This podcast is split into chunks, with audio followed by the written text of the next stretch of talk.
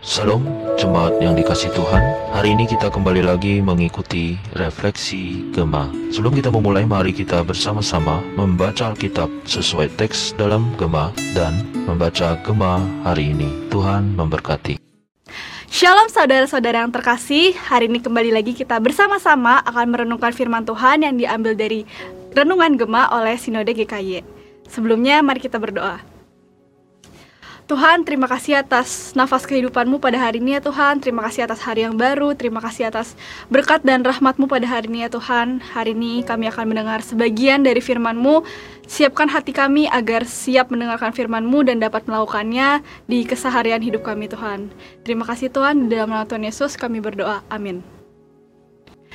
Renungan hari ini berjudul Seperti Apa Kita Akan Dikenang yang diambil dari kitab 2 Raja-Raja 15. Saya akan bacakan ayat intinya.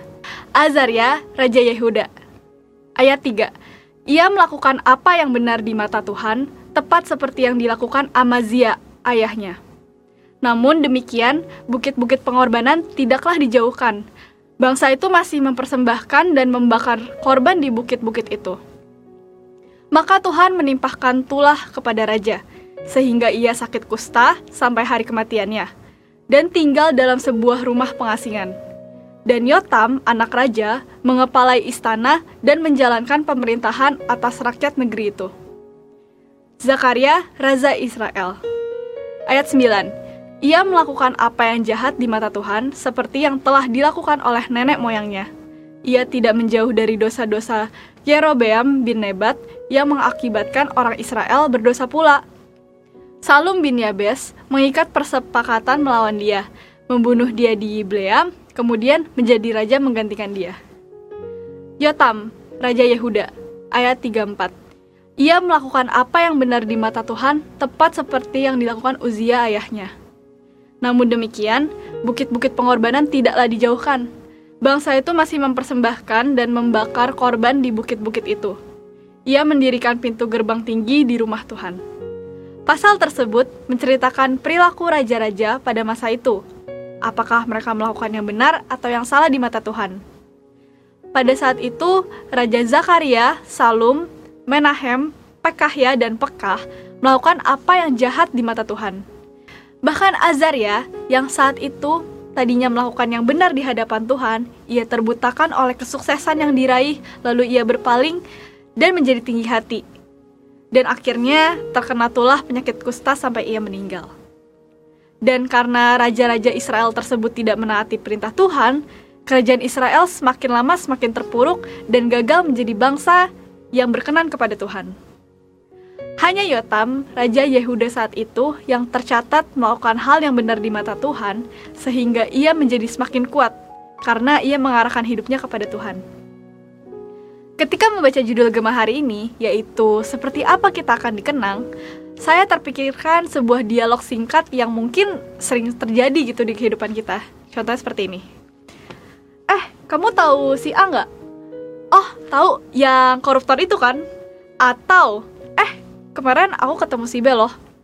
Loh, apakah dia masih suka mencuri? Dan berbagai dialog-dialog yang mungkin sejenis Mungkin dialog tersebut sering muncul saat kita sedang menonton berita, infotainment, atau justru sedang bercakap-cakap dengan orang-orang di sekitar kita. Namun, hal simple itu tuh menjadi bukti bahwa apa yang kita lakukan ternyata begitu erat loh tanpa kita sadari menjadi trademark dan menjadi cap diri kita sendiri gitu di hadapan orang-orang.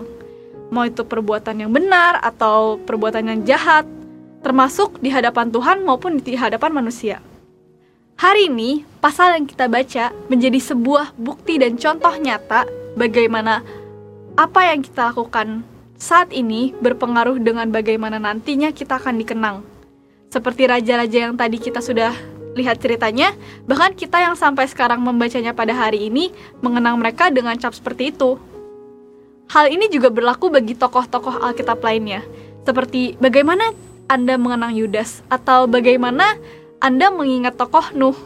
Ketika saya mendengar tema ini, saya menjadi merefleksikan diri melihat ke belakang. Bagaimana perbuatan saya selama saya hidup? Apakah saya sudah hidup benar di hadapan Allah?